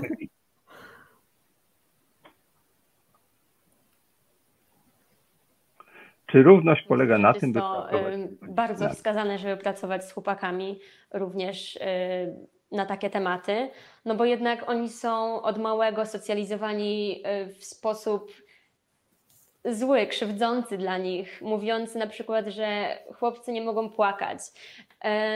można to zauważyć na przykład w przypadku grupy chłopców, gdy przebierają się w szatni, gdy widzą się, że jeden z nich jest osobą homoseksualną e, lub niebinarną lub w jakiś sposób nie identyfikującą się albo z płcią e, mężczyzny, albo po prostu nie, nie ubierającą się w taki sposób, w jaki mężczyzna jest widziany przez nasze społeczeństwo.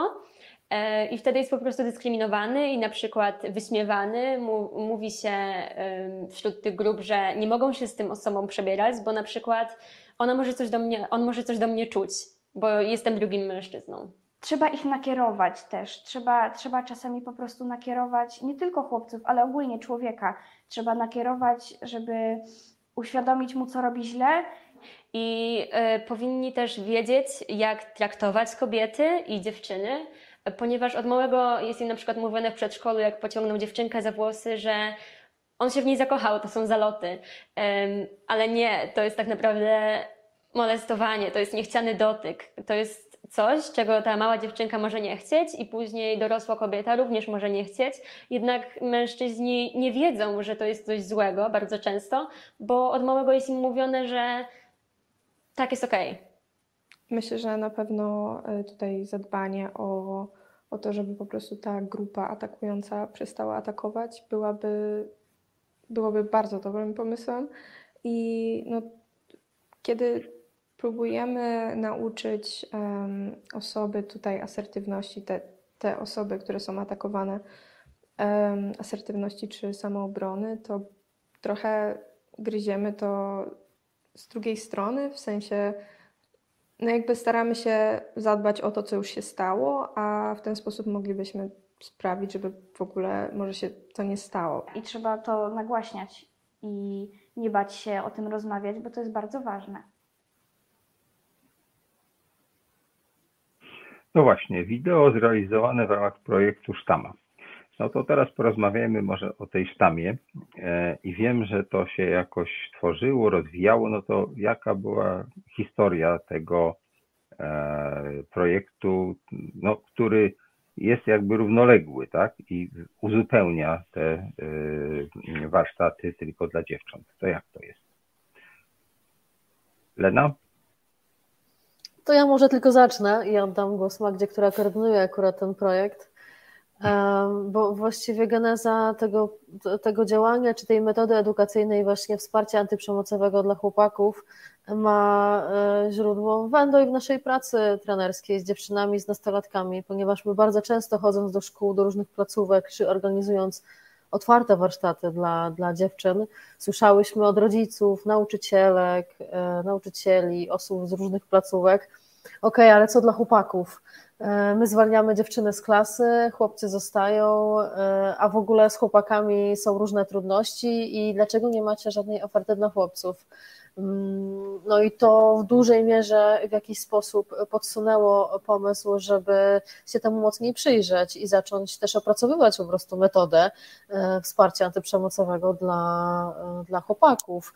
I w pewnym momencie e, Magda jakoś tak rzuciła ten żar, ogień, że robimy, działamy, włączamy i zainicjowała kolektyw pierwszy sztama który w ramach e, takiego programu Fundacji Ashoka Wzmocnione, który jest realizowany wspólnie ze spółką Magovox, e, mógł zaistnieć. Mogłyśmy i mogliśmy trochę przyjrzeć się, czemu metoda miałaby służyć, co mogłoby się w niej znaleźć. Zaprosiłyśmy dodatkowych trenerów, osoby gdzieś tam działające w obszarze męskości. No i też jako laureatki tego programu wzmocnione mogłyśmy i mogliśmy zacząć realne działania, e, jak też e, rozpocząć duży projekt, który w tym momencie trwa, czyli właśnie sztama w edukacji na rzecz zmiany. E, i realnie zacząć modelować, testować, tworzyć, działać i włączać jeszcze więcej mężczyzn do tych działań edukacyjnych, oraz włączających właściwie ten kontekst męskości i mężczyzn do działań na rzecz przeciwdziałania przemocy, bo to jakoś dla mnie też jest super e, istotne, że to nie jest tylko edukacja wobec właśnie chłopców czy nastolatków, ale to jest w ogóle o e, zmianie trochę perspektywy edukacji antyprzemocowej na to, żeby robić to razem i ze wszystkimi i dla wszystkich. Z tego względu, że my bez e, tego komponentu robienia tego razem i bez włączania wszystkich osób w tym tą świadomość i w edukację antyprzemocową nie jesteśmy w stanie zrobić realnie tak dużej zmiany, jaką chcemy zrobić. No więc to trochę jest e, razem na rzecz świata bez przemocy, to jest coś, co się często gdzieś tam w naszej fundacji jako e, jedno z haseł e, prze, przewija i bardzo nam przyświeca. I myślę, że oddam Ci Magda głos w kontekście projektu i naszych obecnych działań sztabowych. No, no, tak, no, no sztama y, jest właśnie o tym, co Lena powiedziała, to znaczy, że żeby trzymać y, sztamy y, z, między kobietami, mężczyznami i osobami z różnych tożsamości płciowych przeciw przemocy, bo przemoc ze względu na płeć głównie jest kojarzona z, z, przemocą wobec kobiet, ale ona dotyczy również innych tożsamości płciowych i, i różnych płci, więc to nie jest tak, że tylko kobiety w jakiś sposób doświadczają przemocy ze względu na płeć. Oczywiście y, statystyki są nieubłagane i one są w większości, e, natomiast y, to nie oznacza, że różne formy przemocy też nie, nie doświadczają e, inne osoby.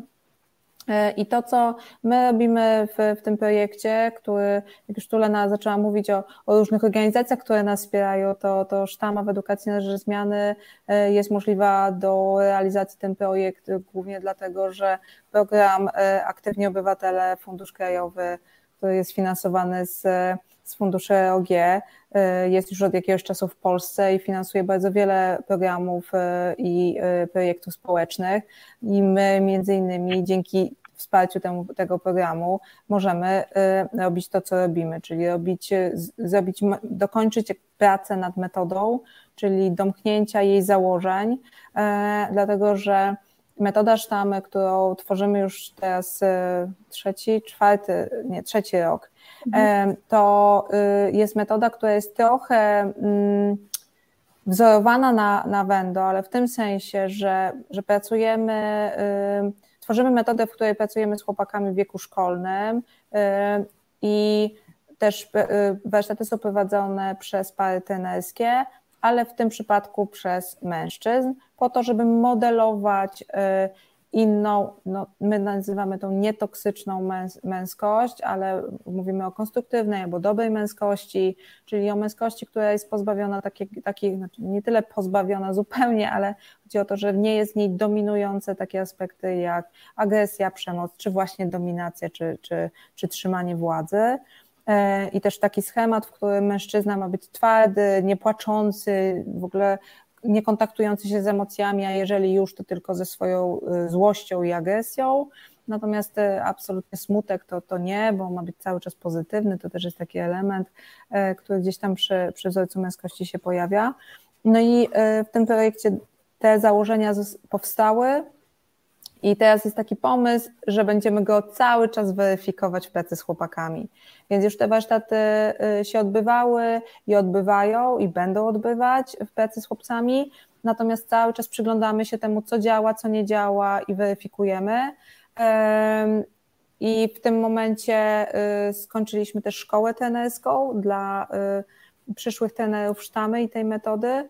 Szkoła się nazywała Szkoła Trenerów Antyprzemocowych Sztama i mamy 16 mężczyzn, którzy przez rok w niej uczestniczyli i Niedawno ją skończyli, bo w styczniu był ostatni zjazd. E, i teraz są na etapie e, robienia swoich warsztatów certyfikacyjnych. I teraz trochę nawiążę do tego twojego pytania, Konrad, o certyfikat, to to chodzi o to, że osoby nie dość, że skończyły kurs, czyli mają zaświadczenie ukończenia, to dodatkowo mają certyfikat upoważniający do, do pracy w, tą, w tej metodzie, czyli że zrobiły, zrobili przynajmniej jedne warsztaty, które są superwizowane, czyli ktoś z nimi był, daje informację zwrotną na temat tego, e, co umieją, czego nie umieją, jak prowadzą warsztaty, jakie są jeszcze obszary do rozwoju, a jakie na przykład już są takie, które warto pielęgnować i trzymać się takiego, takich umiejętności. Więc już kilka, już dwa takie warsztaty się odbyły, Teraz jestem w trakcie ustalania z, z, uczestnikami, absolwentami naszej szkoły kolejnych warsztatów i one, one się teraz y, będą w najbliższych dwóch miesiącach jeszcze odbywać.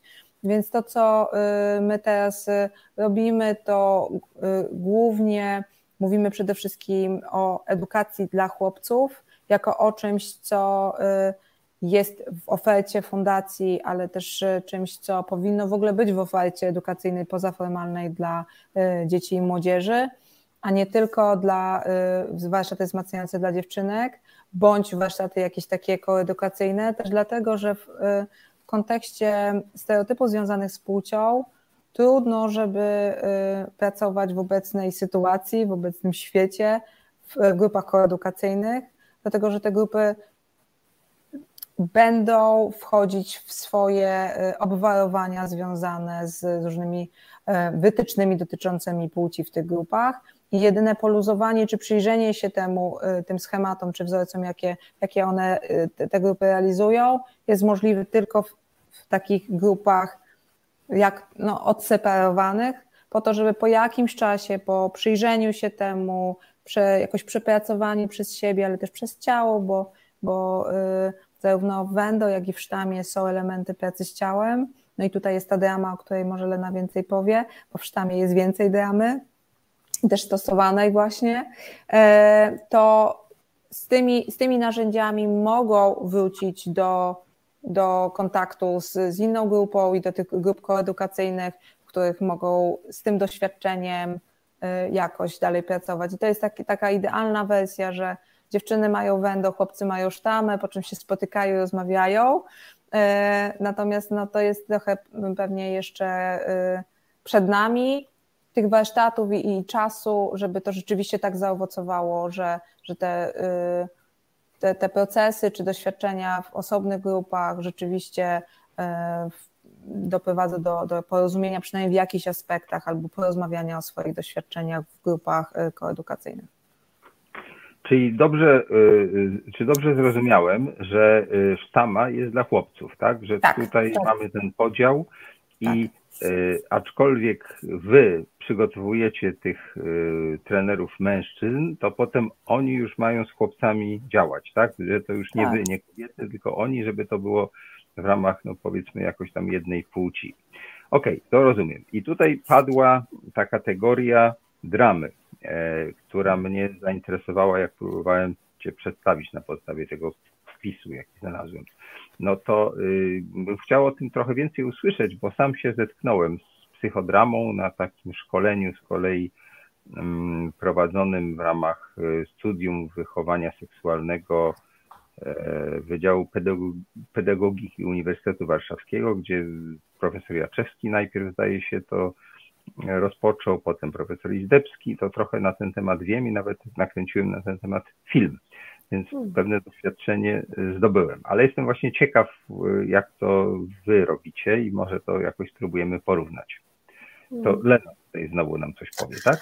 Wiesz co, właściwie dramaterapia to jest jeszcze inna kategoria trochę. Z tego, co jest mi wiadomo, sztama nie zawiera jakoś szczególnie e, głęboko elementów dramaterapeutycznych, ale edukacyjnie, trenersko-dramowych jak najbardziej.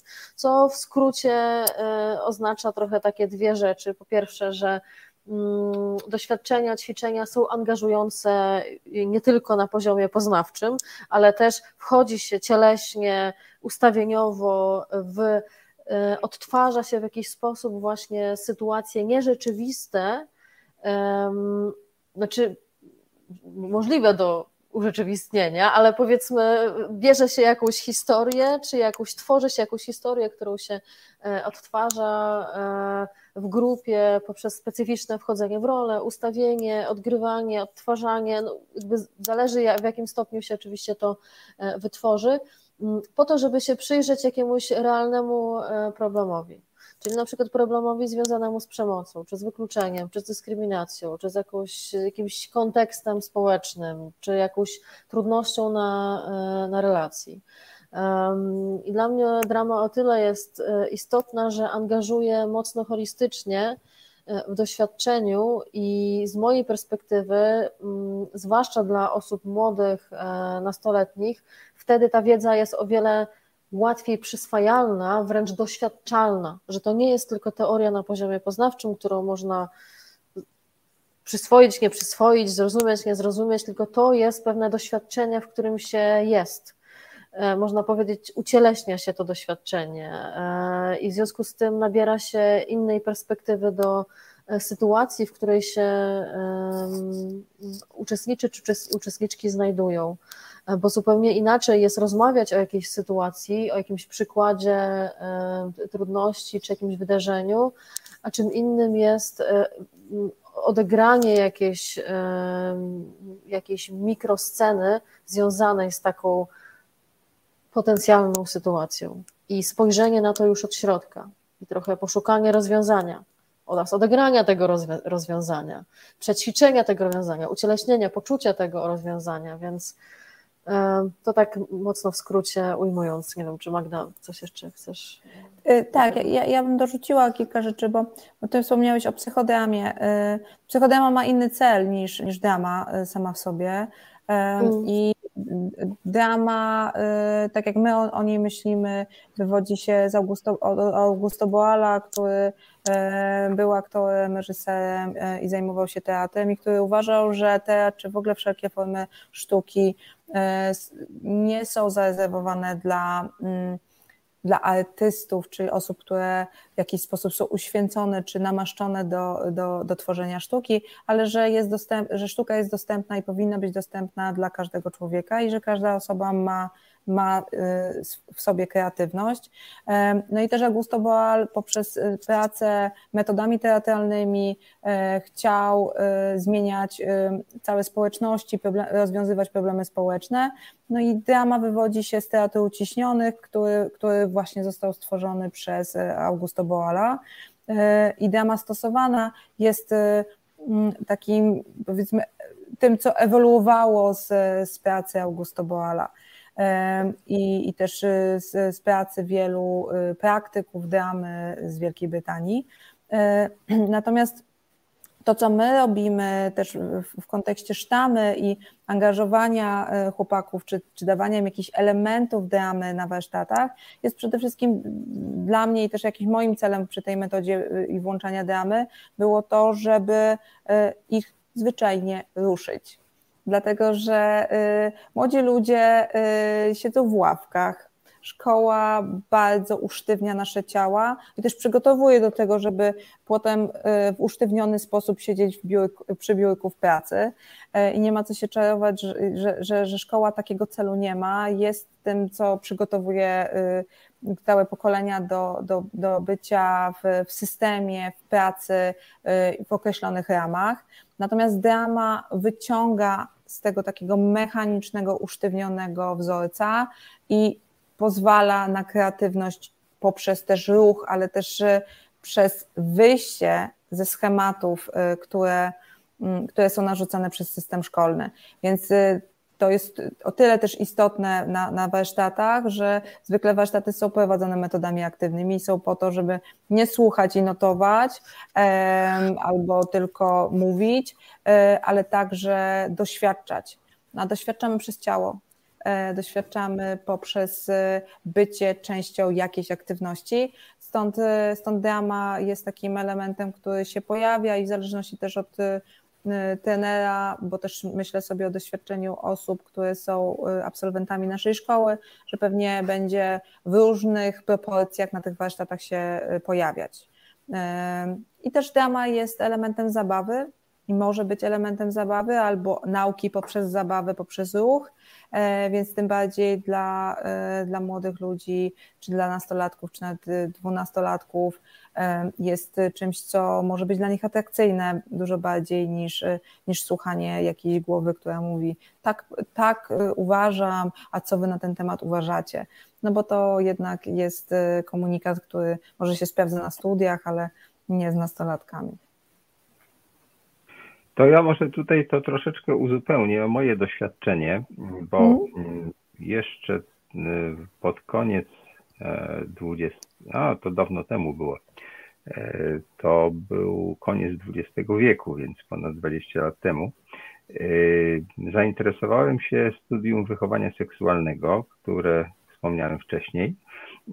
I to było nowum, to znaczy chodziło o to, żeby przygotować te nauczycielki, czy tych edukatorów, bo to takie, czy edukatorki, to się tak nazywa, do pracy z młodzieżą, tak, żeby zarówno miały pewną wiedzę, taką no, naukową dotyczącą medycyny, fizjologii, anatomii, no tych wszystkich rzeczy, które trzeba poznać, ale to była tylko część. I prawdę mówiąc, y, ta wiedza, ta nauka z mojego punktu widzenia była taka no, stosunkowo oczywista, tak? Ja mniej więcej to wszystko wiedziałem, a poza tym ja szukałem materiału do filmu, w związku z czym e, te wykłady, czy ewentualnie nawet takie jakieś seminaria, no to nie było to, co jest dobre do pokazania na ekranie, bo mm, na dłuższą metę jest pewnie tam jakoś istotne edukacyjnie, ale trochę takie mało filmowe i mówiąc tak wprost nudne, e,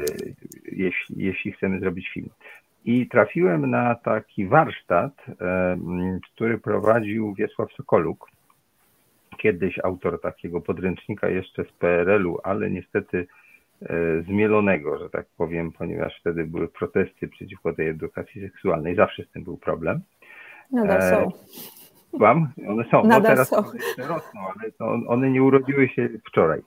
E, I to, co było szalenie ciekawe, ja sam musiałem przejść to jako uczestnik takiego szkolenia i co troszeczkę dźwięczą podobne nuty. Tam było, było bardzo dużo ćwiczeń, no trochę też ruchowych nawet, ale dużo było takich ćwiczeń właśnie typu drama, gdzie przyjmowaliśmy role, były pewne założenia. Te założenia stawiały nas w sytuacji bądź uczniów, bądź y, tych edukatorek, czy generalnie to kobiety zwykle były tam. Na moim szkoleniu były dwóch mężczyzn, chyba 12 kobiet, nie w takiej proporcji.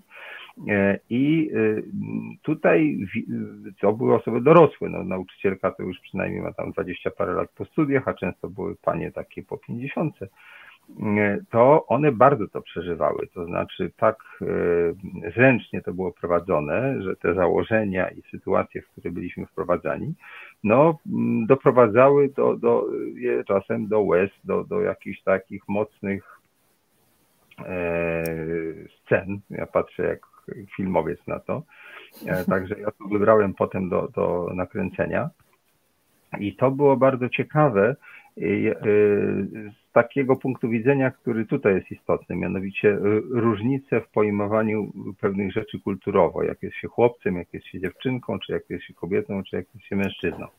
E, więc y, myślę, że ten e, element waszego działania właśnie, który dotyczy tych uruchomienia tych emocji właśnie przy pomocy założeń i dramy, no to jest bardzo ciekawe i oczywiście trzeba nad tym panować, no bo to potem jak się tego jakoś nie odczaruje, to może wywołać kłopoty, ale, ale widziałem jak bardzo mm, ciekawie to e, otwierało te, te uczestniczki. E, I tutaj jeszcze o drugiej rzeczy powiem, która jest taka, no, w cudzysłowie, lekko kontrowersyjna. E, kilka lat później robiłem film, który się nazywa Uwodziciele i on opowiadał o szkole uwodzenia, czyli w zasadzie o czymś, co no, często jest uważane za rzecz, e, za, za działanie takie no, na granicy, powiedzmy sobie, etycznej. Ale to, co było ciekawe, że tam też były elementy tych działań, i bardzo często y, były sytuacje, które z punktu widzenia właśnie tego, o czym dzisiaj mówimy, jasno pokazywały, że nasze przyzwyczajenie y, i nasza kultura y, nas tak jakoś ustawiają, że bardzo trudno jest w sposób kulturalny, cywilizowany nawiązywać kontakty męsko-damskie. Że po prostu jesteśmy niejako okaleczani i to okaleczenie powoduje, że mężczyźni popełniają błędy, kobiety tak naprawdę są przez to albo odpychane jakby, prawda, albo ranione, tak? E, I bardzo brakuje takiej cywilizowanej formy, która e, no, w pewnym sensie powinna stanowić syntezę tego, o czym e, mówiłyście, mianowicie, że po tej części Wendo i po tej, po tej sztamie ci ludzie powinni się spotykać i umieć porozumiewać, tak? No bo to ostatecznie o to chodzi. I, i to był problem. I paradoksalnie, jak w takiej mm, powieści kiedyś e, Sposób na Alcibadesa, uczniowie e, kupowali specjalną metodę, jak oszukać nauczyciela, prawda? Nie wiem, czy pamiętacie, bo to taka lektura z moich młodych lat. I potem się okazało, że ta metoda tak naprawdę jest bardzo chytra, ponieważ ona de facto ich skłaniała do tego, żeby się więcej uczyli, tylko jakby chcąc, prawda? No więc troszkę tak na tym szko- y, w tej szkole uwodzenia było tak, że, że tych chłopców wcale się nie uczyło, jak szybko dziewczyny tam uwieść, tylko jak umieć w sposób kulturalny z nimi obcować, tak? I że, że to, to, to paradoksalnie było odwrotne. To nie to, żeby tak szybko tam te romanse się zawiązywały, tylko jak w ogóle e, znaleźć klucz do, do otwarcia y, tych rzeczy. Więc ja rozumiem, że te wasze działania przy wszystkich różnicach są troszkę podobne, tak? Że trzeba e, dziewczynom czy kobietom dać pewne narzędzia do obrony, tym chłopakom jakby też. I co dalej? To, to znaczy... może, bo ja widzę, że obydwu nam się wyrwało, bo y, ja, jako, ja bardzo potrzebuję powiedzieć, że y, może jakieś podobieństwo jest, ale chyba kluczowa różnica jest e, w celu. Jednak. Nie, ja troszeczkę was prowokuję, no ale dla tej rozmowy, prawda? To jakoś tak potrzebowałam to dodać i już, już teraz Lena. Wzmacniam to, co mówisz, Magda, bo jednak ja więcej różnic niż podobnie tutaj za, za, za, zauważam. Niemniej jednak jakoś tak przy, przykuło moją uwagę to, co powiedziałeś, że dajemy narzędzia do obrony. Teoretycznie tak, ale ja jakieś takie mam mocne przeświadczenie, że my głównie dajemy narzędzia związane ze zrozumieniem swoich potrzeb i granic. I przez to de facto e, również można podjąć decyzję na przykład o samoobronie i też mieć sposób na to, jak to zrobić skutecznie i z, dobro, z zachowaniem własnego dobrostanu. E, więc to też nie do końca jest e, tak mocno binarnie rozdzielone, że my uczymy dziewczyn, jak się bronić, a chłopców, jak nie atakować, chociaż może tak to brzmieć na takim bardzo, powiedzmy, powierzchownym poziomie. Natomiast w obu przypadkach de facto my dajemy bardzo podobne narzędzia związane z, w ogóle z uświadomieniem, z uświadomieniem e, tego, mm, jak, w jakiej rzeczywistości funkcjonujemy oraz przede wszystkim e, jakoś tak wzmocnienie poczucia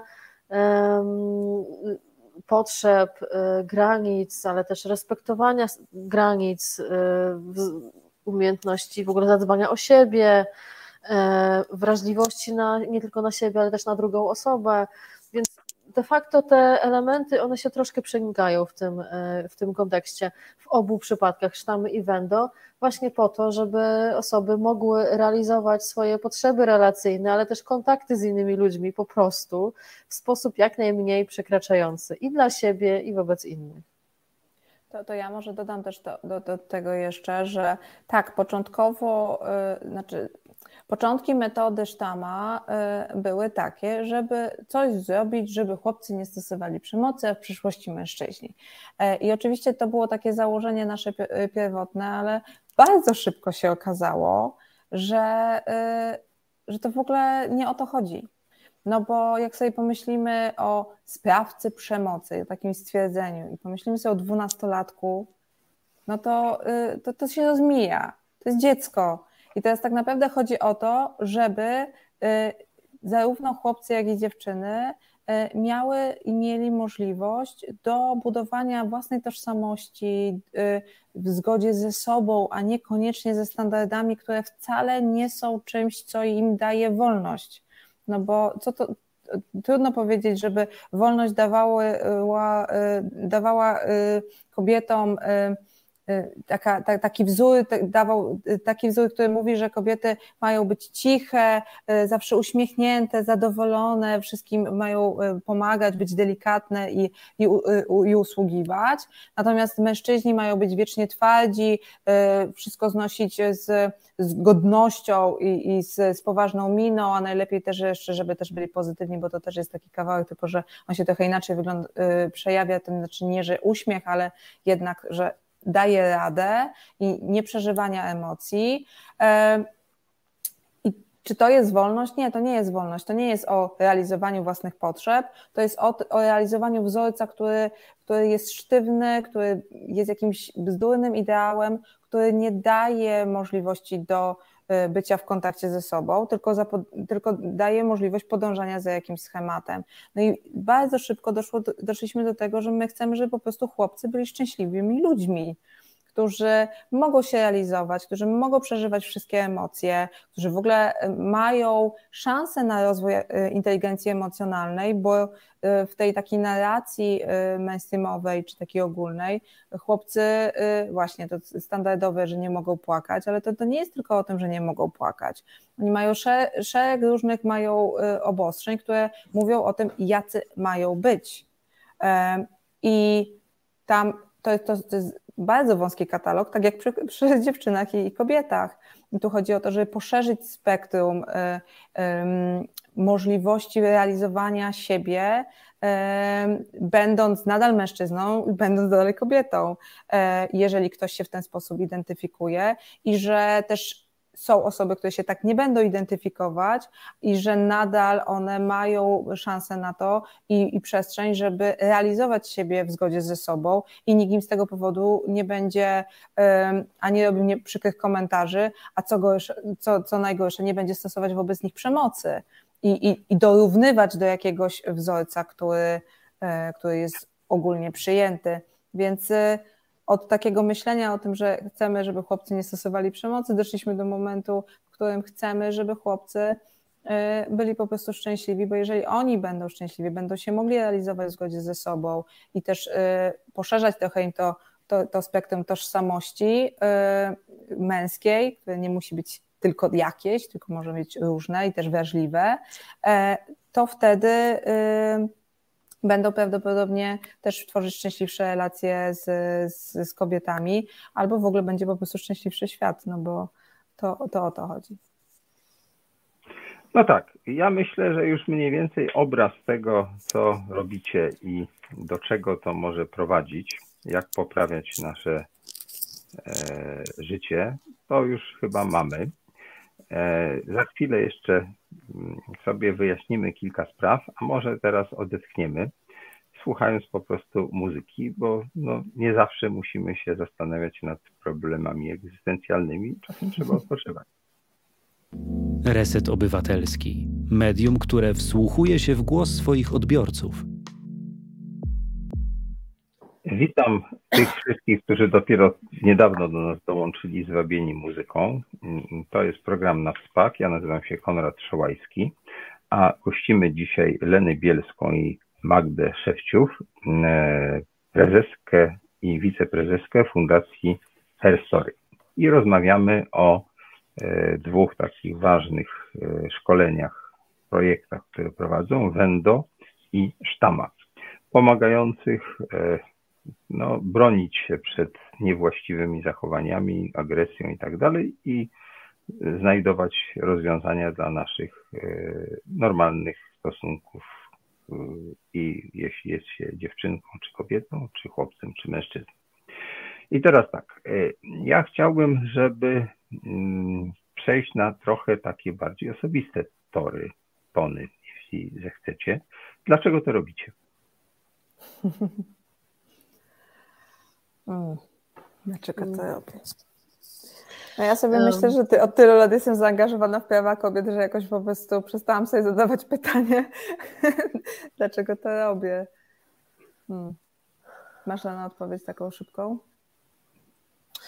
Ja bym mogła powiedzieć, dlaczego zajmuję się tym zawodowo, w sensie pracą trenerską i terapeutyczną. Jakoś czuję, że mam ku temu duży potencjał po prostu i czuję niesamowitą energię w pracy z innymi osobami, niezależnie czy są to osoby dorosłe, czy niedorosłe i ogromną satysfakcję, ponieważ ja naprawdę widzę sens w tej pracy, w kontaktowaniu e, się z osobami, procesie, w wspieraniu w tym procesie innych osób, w pozwalaniu im doświadczać różnych rzeczy, ale też doświadczaniu ich razem z nimi. I jest to dla mnie bardzo wznoszące, satysfakcjonujące. Czuję, że moja praca ma ogromny sens.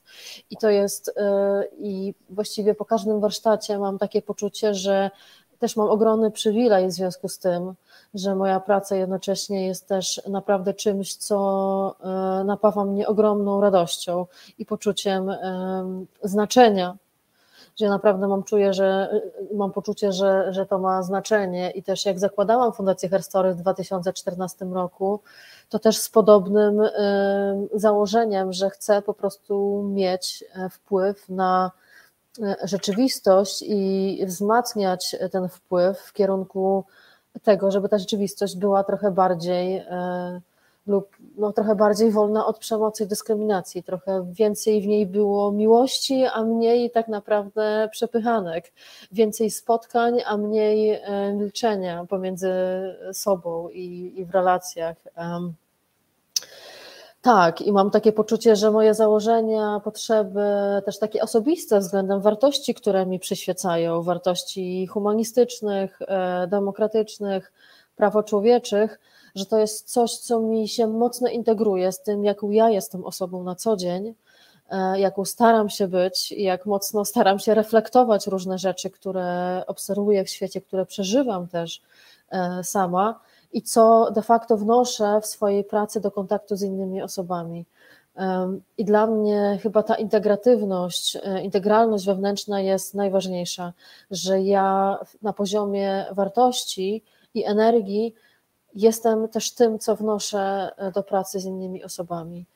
E, I czuję, że to, mm, że to ma znaczenie, że jest w tym ogromna autentyczność autentyczność i, i miłość to są chyba jedne z dwóch najważniejszych dla mnie rzeczy w życiu.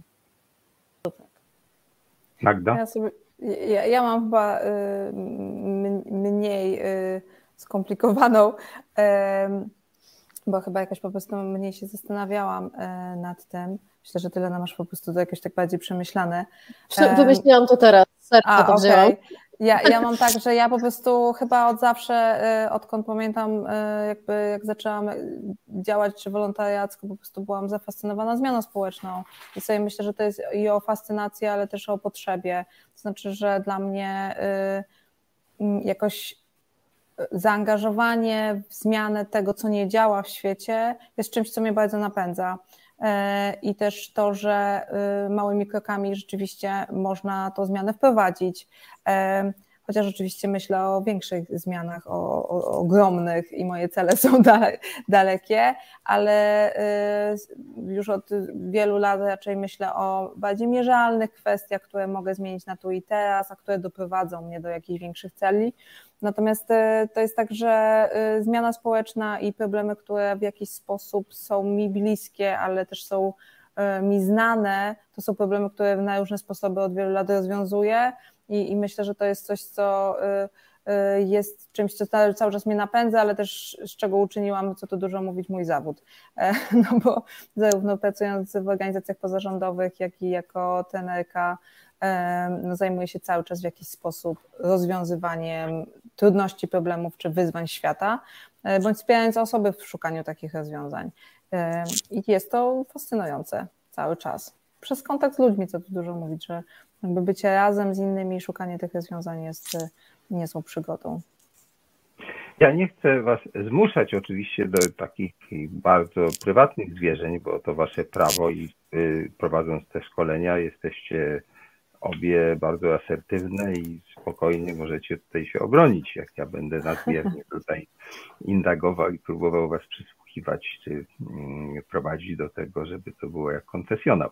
No niemniej tak chciałbym przynajmniej spróbować, jak to się zaczyna, jak to u Was się zaczęło, kiedy poczułyście ten taki, no to powołanie, to można tak chyba to nawet nazwać. Do bycia guru. Do bycia guru na warsztatach będą.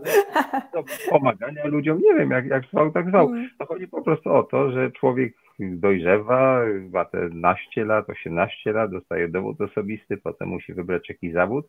Y, wasz zawód jest trochę nietypowy, tak? Nie, nie jest tak, że to są zupełnie wyjątkowe, bo trochę takich ludzi znam, ale nie zmienia to faktu, że przeciętny Kowalski, nie, nie umniejszając wagi jego pracy jako inżyniera czy księgowego, no nie ma tego rodzaju misyjnego posłania, tak? A wy jesteście jakby troszkę zawodowymi działaczkami, które z tego żyją, ale też macie w sobie to powołanie takie jak jakiś duchowny czy nie wiem, artysta, prawda?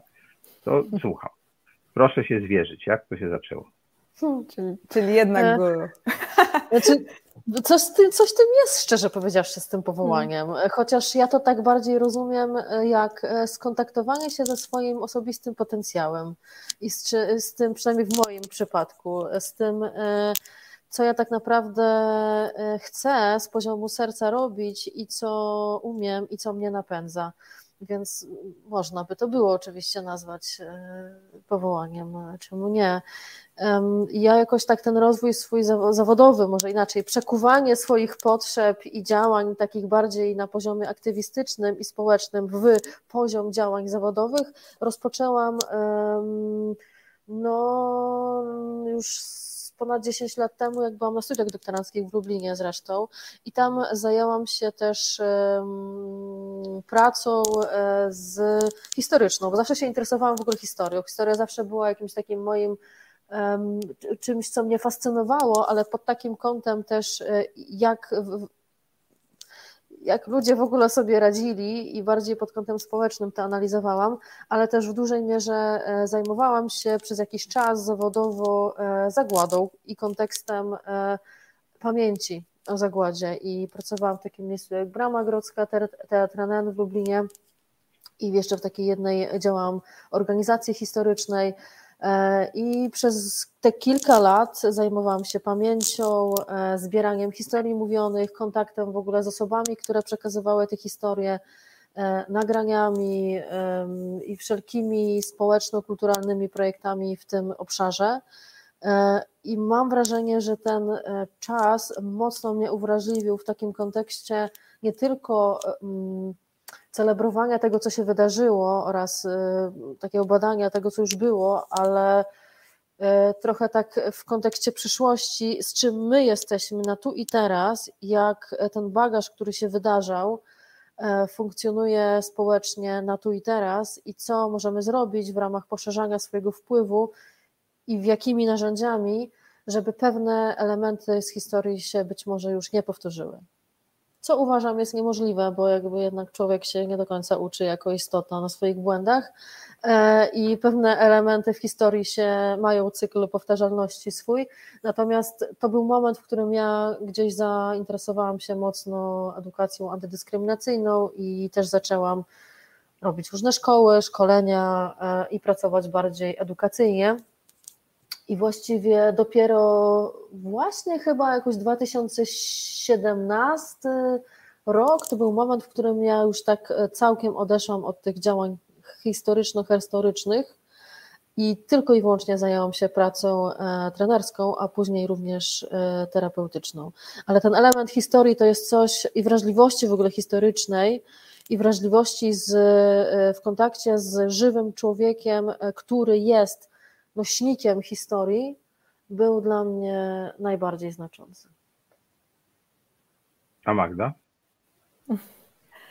Ja, jakoś e, jest trudno odpowiedzieć na to pytanie, przyznaję, że, że nie mam tak, że, że mogłabym powiedzieć, a to się zaczęło e, w 1990. Tam. Szłaś drogą i Tak, szłam, zobaczyłam, nie musisz. wiem, małego szczeniaczka i od tego tak. czasu zaczęłam myśleć, że zajmę się y, aktywizmem na rzecz praw zwierząt. No, to jest tak, że ja, moja ścieżka y, do, do miejsca, w którym jestem, y, mm, no była taka, że, że ja przede wszystkim angażowałam się w różnego rodzaju działania takie, które były związane z grupami, z którymi byłam, czyli ja byłam związana z grupami wolnościowymi i anarchistycznymi przez bardzo długi czas e, i w, w tym obszarze w, jako nastolatka organizowałam e, taką akcję, która się nazywa Food Not Bombs, gotowaliśmy wegetariańskie jedzenie dla osób bezdomnych, czy w kryzysie bezdomności i E, czy też e, takie różnego rodzaju wydarzenia związane z prawami zwierząt i to były główne aspekty, który, czy obszary, w których działałam jako nastolatka, e, a potem już do teraz pamiętam, jak byłam w takiej organizacji ekologicznej, pracownia na rzecz wszystkich istot na praktykach, na studiach.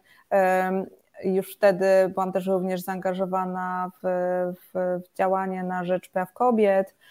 I pamiętam, że kolega z, z tej organizacji mi powiedział: Magda, ty się zdecyduj, ekologia czy prawa kobiet, bo albo jedno będziesz robić, albo drugie, nie można robić dwóch rzeczy na 100%.